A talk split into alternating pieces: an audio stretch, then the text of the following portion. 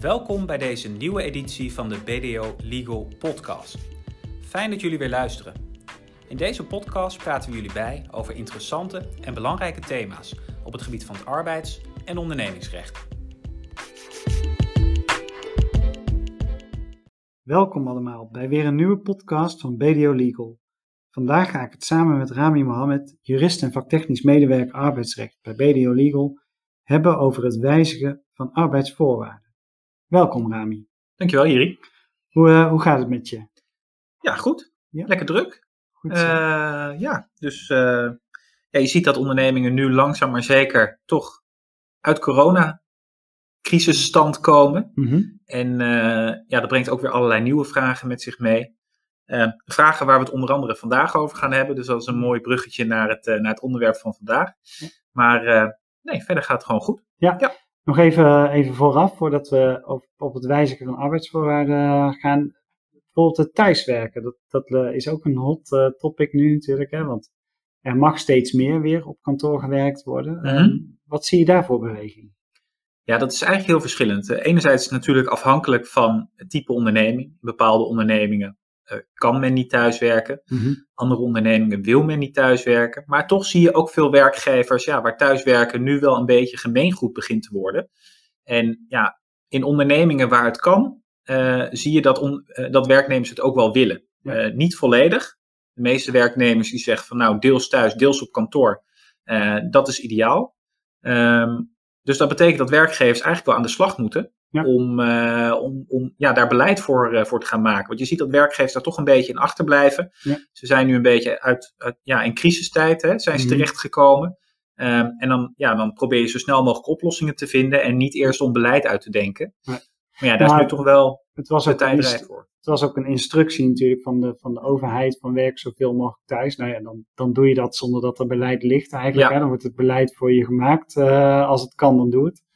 Um, ik las volgens mij vandaag nog ergens van veel uh, mensen in een enquête hadden aangegeven, nou twee dagen per week thuiswerken, dat, dat is wel een beetje de norm waar het kan. Uh, en dan drie dagen op kantoor. Herken, herken je dat ook in jouw praktijk, dat dat uh, zo'n verdeling wordt? Ja, twee om drie of andersom, Mhm. drie om twee. In ieder geval ergens rond de 50-50 zie je dat dat wel, dat het wel een beetje ligt. Ja. Um, dus dat herken ik, zeker. Ja. ja, en het is nu gewoon aan werkgevers om even los van de keuze van wanneer mag je thuiswerken, Mhm. uh, ook afspraken te maken over de thuiswerkplek, onkosten bij het thuiswerken. Ja. Wanneer zou je als werkgever thuiswerk kunnen beëindigen? Ja. Hè, dat is belangrijk om daar gewoon nu over na te denken, zodat Mhm. je niet straks voor problemen komt te staan. Nee. Oké.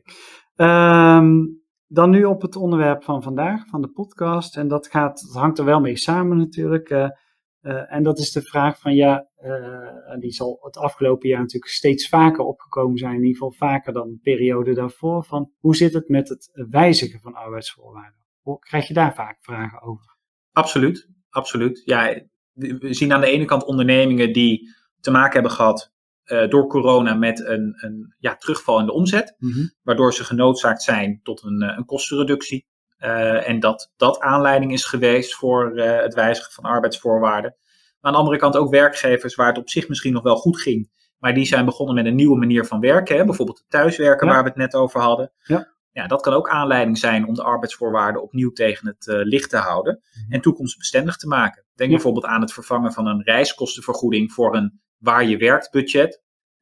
Waarmee je ja, de vergoeding afstemt op de manier van werken. Dus ja, je ziet dat, dat, dat zo'n crisis al dan niet uit noodzaak er eigenlijk wel voor zorgt dat je ja, weer met een andere blik naar het arbeidsvoorwaardenpakket uh, gaat kijken. En dat roept ook vragen op over het wijzigen van arbeidsvoorwaarden. Ja, ja snap ik. Um, nou ja, stel je bent een werkgever, uh, je luistert ook deze podcast, uh, waarvoor dank natuurlijk. en, en, en, als werkgever denk je, ik wil arbeidsvoorwaarden wijzigen. Ik wil ze wijzigen of ik moet ze wijzigen, ook uit noodzaak van een kostenreductie. Waar begin ik dan als werkgever? Nou, belangrijk is altijd als eerst om vast te stellen, heb ik een, uh, of is iets, is iets een arbeidsvoorwaarde?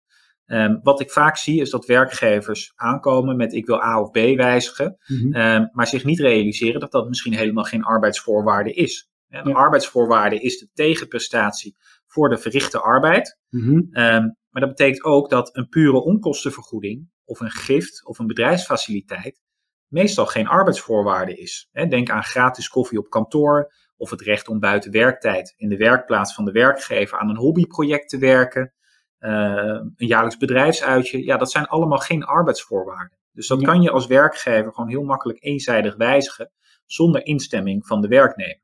Ja. Is, het is natuurlijk wel de vraag of het handig is om dat zonder overleg uh, eenzijdig te beslissen, maar het mag wel. Het mag wel, Tuurlijk is het altijd beter om je werknemers erin mee te nemen. Ik vind zelf ook altijd, probeer het in eerste instantie altijd samen. Mhm. En als dat niet lukt, kun je altijd nog besluiten om eenzijdig iets te wijzigen. Of dat nou een arbeidsvoorwaarde is of niet. Ja. Op die manier vergroot je ook gewoon je draagvlak onder het personeel. Ja. ja. Nou, mocht iets nou wel een arbeidsvoorwaarde zijn, dan is eigenlijk het uitgangspunt dat partijen daar overeenstemming uh, over moeten bereiken. Um, wat ik al zei, samen iets wijzigen is gewoon veruit het eenvoudigst en zorgt ook voor de minste conflicten. Um, dus ja, dat is het advies om, om daar eerst naar te kijken. Oké, en, en uh, samen iets wijzigen, moet je dan met alle medewerkers individueel uh, in gesprek of met eh, OR bijvoorbeeld, hè, ondernemingsraad? Dat zou kunnen. Hè. Afhankelijk van de grootte van de onderneming kan er sprake zijn van een ondernemingsraad of misschien een personeelsvertegenwoordiging. Mm ja, als die er is, dan kan je daarmee in gesprek gaan. Um, maar als je onderneming kleiner is, uh, dan zou je ook gewoon met, een, met het volledige personeel of een afvaardiging van het personeel in gesprek kunnen gaan. Ja, eh, oké, dat is duidelijk. Hè? Het is altijd de voorkeur om dat in overleg te doen, samen, dat je het ook eens wordt. Uh, maar wat als het nou niet lukt om het daarover eens te worden, maar jij voelt als werkgever wel de wens of de noodzaak om te wijzigen? Kun je het dan toch doordrukken? Nou, dan is het belangrijk om vast te stellen of je een eenzijdig wijzigingsbeding hebt afgesproken. Zo'n wijzigingsbeding staat vaak in de arbeidsovereenkomst of een personeelshandboek dat van toepassing is verklaard op de arbeidsovereenkomst. Ja, en daarin staat dan dat de werkgever gerechtigd is om eenzijdig arbeidsvoorwaarden te wijzigen wanneer hij uh, bij die wijziging een zodanig zwaarwichtig belang heeft dat uh, de belangen van de werknemer naar maatstaf van redelijkheid en billijkheid uh, moeten wij, wijken. Mm -hmm. Op het moment dat je dat hebt, ja, dan ben je eigenlijk al wel een stap verder.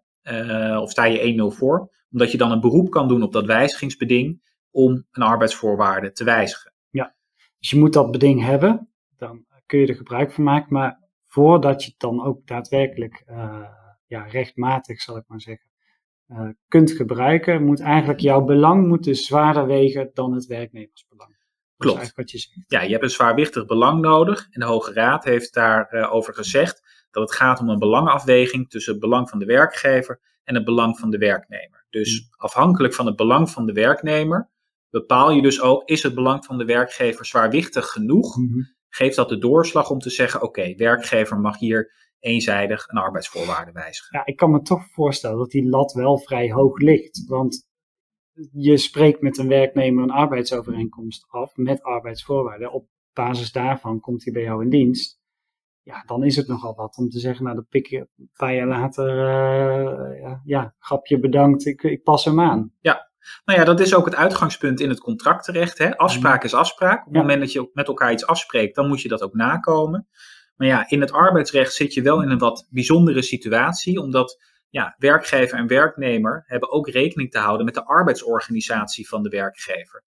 dus uh, die, uh, van een werknemer mag worden verwacht dat hij ook akkoord gaat met een wijziging ten behoeve van die arbeidsorganisatie, omdat dat ook weer in het belang is van de totale groep aan werknemers. Ja.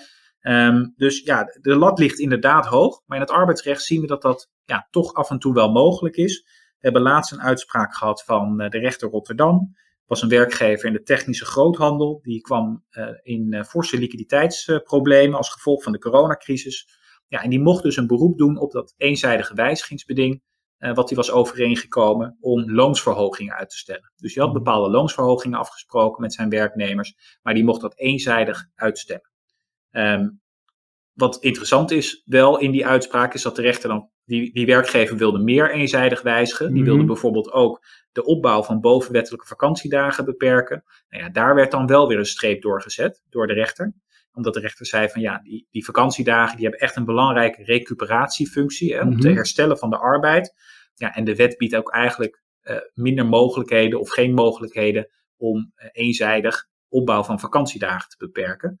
Um, Dus daar werd wel een streep door gezet, maar die loonsverhogingen mochten wel eenzijdig worden uitgesteld. Dus je ziet daar dat er toch wel wat ruimte wordt gecreëerd. Ja. Vind jij het, zeg maar, het uitstellen van loonsverhoging, is dat hetzelfde als, uh, stel dat hij hier had gezegd, de, de lonen moeten omlaag. Dat, is dan, dat voelt uh, nog wat meer als echt eenzijdig wijzigen, namelijk het afpakken van een bestaande arbeidsvoorwaarde. Ja. Hoewel als je recht hebt op loonsverhoging, snap je, en je gaat niet door, dan, voel, dan is dat even goed uh, een recht wat je afgenomen wordt. Maar toch, hoe was de uitspraak geweest als hij het naar beneden had bij willen stellen? Nou, uh, naar beneden bijstellen van salaris eigenlijk altijd een no-go. Dat, ja. dat, dat, daar kan je de eenzijdige wijziging niet voor gebruiken. Ja. En het interessante is, de rechter ging er in deze uitspraak ook uitdrukkelijk op in. Die zei van, er is hier sprake van het uitstellen van een loonsverhoging en niet van het afblazen van een loonsverhoging of een loonsverlaging. Dus de rechter nam dat wel mee in, uh, in de overweging. Ja, dus er zit hier ook een koppeling in dat de uh, liquiditeitsprobleem bij deze ondernemer door bijzondere omstandigheden eigenlijk een tijdelijk probleem is. En, en onder die omstandigheden mag je het uitstellen. Klopt. Ja. ja. Nou, een belangrijke tip is, kijk vooral naar secundaire en tertiaire arbeidsvoorwaarden en niet naar een primaire arbeidsvoorwaarde zoals loon. Kijk, loon uitstellen is één ding, maar Mhm. loon verlagen, dat zien we eigenlijk uh, ja, bijna nooit goed gaan. Nee. Bekend voorbeeld uit het verleden is de, de VND, het warenhuis dat is omgevallen. Ja. Um, die wilden ook vlak voordat ze uh, omvielen een, uh, een loonsverlaging doorvoeren. Werd ook afgekeurd door de rechter. En daarna zijn ze vervolgens omgevallen. Dus ja, we zien gewoon dat dat in de, in de rechtspraak eigenlijk uh, nooit slaagt. En het heeft er ook mee te maken dat een loonsverlaging een werknemer niet alleen raakt in de arbeidsrelatie, Mhm. maar ook in een eventuele WW-uitkering Ja. na de arbeidsrelatie. Oké, ehm, maar dit is allemaal nog ervan uitgaand dat je in je arbeidsovereenkomst een eenzijdiging, uh, eenzijdig wijzigingsbeding hebt opgenomen. Maar wat als je dat als werkgever nou helemaal niet in je arbeidsvoorwaarden hebt staan, in je arbeidsovereenkomst? Ja, nou dan, dan ben je niet per se af. Uh, want de Hoge Raad heeft aangegeven dat ook zonder eenzijdig wijzigingsbeding een werknemer in bepaalde situaties positief moet ingaan op een voorstel van de werkgever tot wijziging van arbeidsvoorwaarden. Nou, dat is dan het geval wanneer er sprake is van gewijzigde omstandigheden op het werk, die aanleiding geven tot het doen van een voorstel. Dat voorstel moet vervolgens ook redelijk zijn en de werkgever moet zich daarbij als redelijk of als goed werkgever opstellen. Uh, en, en tenslotte moet het zo zijn dat aanvaarding van het voorstel en redelijkheid van de werknemer kan worden gevergd, waarbij ook persoonlijke omstandigheden van die werknemer een rol kunnen spelen. Dus wat je ziet is dat de Hoge Raad daar wel mogelijkheden creëert, maar toch wel onder strikte voorwaarden. En de lat, ja, zonder eenzijdig wijzigingsbeding ligt eigenlijk nog wel een, een stukje hoger. Dus tip aan werkgevers is om ja, gewoon dat eenzijdige wijzigingsbeding uh, wel overeen te komen. Ja, ik hoor in ieder geval heel vaak het woord redelijk in, dit, uh, in deze opties. Dus het moet wel echt een uitzondering zijn waarbij het eigenlijk niet anders kan dan dat de werknemer daarmee akkoord moet gaan. Klopt. Ja, oké. Okay. Um, nou, dus de tip is sowieso neem een eenzijdig uh, wijzigingsbeding op. Hoe ga je daar nou mee om als je in je bestaande contracten dat niet hebt? Maar je wilt het voor de toekomst wel. Kun je dan gewoon bij de werknemers die je vanaf de datum nu gaat aannemen, ervoor zorgen dat je dat er wel in hebt staan. En dat je door verloop van de populatie heb je over tien jaar zeg maar het probleem niet meer. Zeker, zeker. Ja, dat, uh, dat is dan de oplossing. Mhm. Uh, je zou nog kunnen kijken of je, uh, als je een personeelshandboek van toepassing hebt verklaard in de arbeidsovereenkomst. Ja. En daarbij ook hebt bepaald dat een werknemer instemt met toekomstige wijzigingen van het personeelshandboek. Ja. Dat je op die manier het eenzijdig wijzigingsbeding in het personeelshandboek fietst en dus ook in de arbeidsovereenkomst. Ja. Maar ik moet zeggen, dat is juridisch wel wat wankeler dan Ja. gewoon met nieuwe werknemers dat eenzijdig wijzigingsbeding het is-.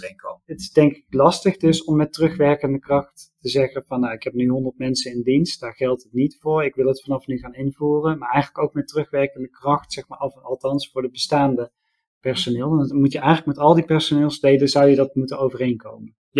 Klopt. Ja, een eenzijdig wijzigingsbeding moet overeengekomen worden. Ja. En dat betekent dat werkgever en werknemer ermee akkoord moeten gaan.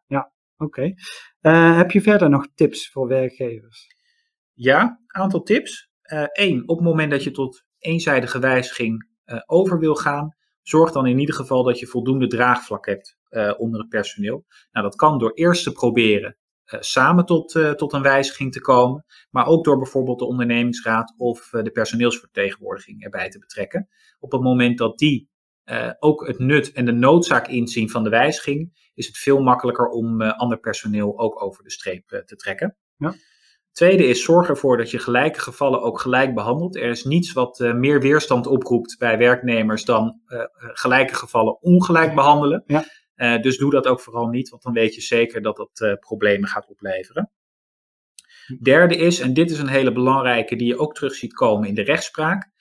probeer zoveel mogelijk een afbouwschema of een overgangsregeling te hanteren. Mhm. Dus op het moment dat je bijvoorbeeld een arbeidsvoorwaarde wil afnemen, ja, doe dat niet in één keer, maar doe dat in stapjes. Waardoor de, de, de, gevolgen voor de werknemer minder groot zijn of minder direct zijn.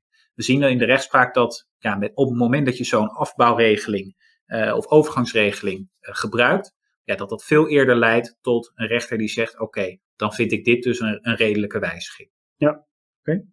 Laatste. Um, Mocht het nou echt niet lukken om tot een wijziging te komen, zou je ook nog kunnen kijken van kan ik een wijziging bijvoorbeeld tijdelijk maken of iets van minder waarde teruggeven. Hè, bijvoorbeeld Mhm. uh, uh, op het moment dat je een, uh, met de loonsverhoging waar we het net over hadden, was eigenlijk uitstel, hè, tijdelijk uitstel ja. van de loonsverhoging. Nou, Ja. zie je dat dat al redelijker wordt geacht. Um, op het moment dat je bijvoorbeeld een leaseregeling zou willen wijzigen, zou je ook iets terug kunnen geven, bijvoorbeeld een uh, uh, fiets of een Mhm. uh, OV-abonnement, iets van minder waarde, maar waar je toch iets van de, nou ja, het nadeel mee opvangt. Ja, en daarmee zorg je er ook voor dat er eerder sprake is van een redelijk voorstel en dus ook van een redelijke wijziging. Zou je ook bijvoorbeeld een extra uh, verlofdag uh, kunnen invoeren voor de looptijd dat zeg maar, die salarisverhoging uitgesteld wordt? Stel dat is twee jaar dat je zegt van nou je krijgt geen salarisverhoging, want we hebben niet de liquide middelen om dat te financieren. Maar goed, je mag wel, je krijgt wel zoveel verlofuren per jaar extra. Um, ja, dat zou kunnen. Ja. In principe ben je daar vrij in. En wees er ook vooral creatief in. Denk out of the box. Hoe kan Mhm. ik werknemers toch op een of andere manier compenseren? Iets wat voor mij weinig kost, kost Ja. maar voor werknemers van, uh, van grote waarde is. Ja, oké. Okay. Um, ja, duidelijk. En met, met die overgangsregeling. Um, ik kan me voorstellen bij dat, dat als je ook uh, structurele arbeidsvoorwaarden wil gaan wijzigen en, en, en je kan de, zeg maar, de bestaande groep niet uh, wijzigen, maar de nieuwe wel, dan krijg je eigenlijk twee systemen binnen één bedrijf. Is dat, zorgt dat niet voor problemen? Dat je uh, verschillende pensioenregelingen krijgt naast elkaar of uh, ja, andere verlofurenaantal, noem maar op. Ja, nou in zo'n situatie, als je dan toch besluit om te wijzigen, zou je dus voor een deel van de groep een beroep moeten doen op het eenzijdige wijzigingsbeding. Mm -hmm. En voor het andere deel een beroep op de uitspraak van de Hoge Raad. Ja. Maar ja, je zit wel met twee toetsingskaders. Dus het kan betekenen dat je het voor de, de helft er wel doorheen krijgt als het voor de rechter komt. Ja. En voor de helft niet. Nee. Dus dat ja, levert toch wel uh, gedoe op. Ja. Ja, en dan kom je ook weer bij dat gelijke gevallen misschien weer niet gelijk behandeld worden. Uh, dus dat geeft alleen maar meer frictie dan ja. binnen de onderneming. Ja. ja. Oké, okay, um, een duidelijk verhaal, Rami. Uh, daarmee zijn we aan het einde gekomen van deze BDO Legal podcast. Ik wil Rami weer bedanken voor zijn bijdrage.